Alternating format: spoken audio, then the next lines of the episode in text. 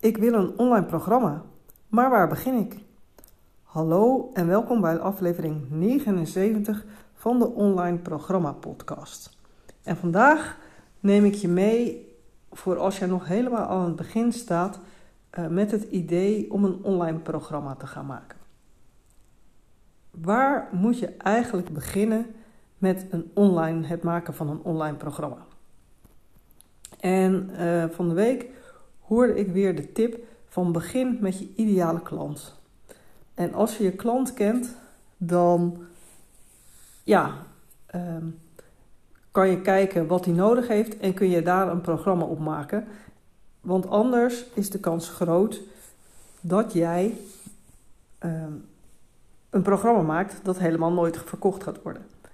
En ik ben het hier zeker mee eens. Maar als jij al, net als de mensen met wie ik het allerliefste werkt, al een tijdje één op één werkt, ook als je nooit helemaal hebt nagedacht over wie nou precies jouw ideale klant is, dan heb je al een goed idee van dingen die werken en die niet werken.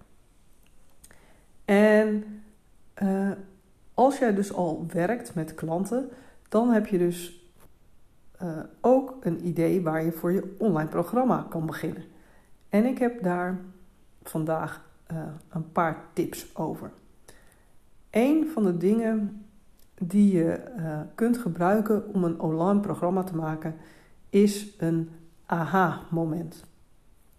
En um, zo had ik bijvoorbeeld, ik heb een, uh, een plan gemaakt of een, eigenlijk een Excel-file waarin ik met mensen wat financiële inzichten kan doorrekenen. En dat zou voor mij een heel mooi iets kunnen zijn. Want heel vaak, als mensen ineens zien hoeveel ze ongeveer moeten verkopen, uh, of en van tegen welke prijzen, om een salaris uh, te kunnen verdienen waar ze zichzelf fatsoenlijk van kunnen uitbetalen, of liefst nog iets meer, dan wordt er heel veel helder. Dit zou voor mij een heel mooi iets kunnen zijn om een online programma omheen te bouwen. Uh, een, iets anders wat vaak voor mij een aha-moment is, is als voor mijn klanten, is als ik ze met, uh, met ze ga in gesprek ga en uh, ze gaan vertellen en ik vraag ze waarover zij een idee hebben om een online programma te maken. En dan gaan ze allerlei dingen die ze denken dat hun klant nodig heeft, gaan ze verzinnen. Um, en dan vraag ik ze welke tips geef je je klanten al.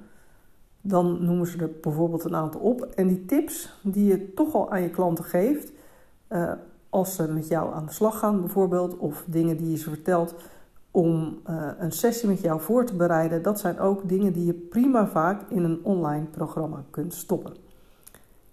En um, ja, waar, wat ik vaak mis zie gaan, is dat mensen denken dat ze heel iets anders moeten gaan doen voor een online programma dan wat ze al aanraden.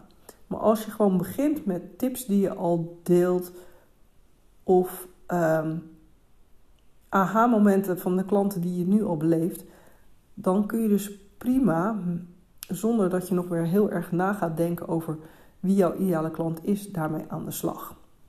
En heb je nou nog geen uh, klanten, ook dan kan het zijn dat het beter werkt om in eerste instantie te gaan bedenken wat je met zo'n klant zou willen doen. En dan wil ik niet zeggen dat je gelijk je hele online programma moet uitwerken en helemaal moet bedenken uh, wat dat is en allerlei lesinhoud gaan maken. Dat is helemaal niet nodig.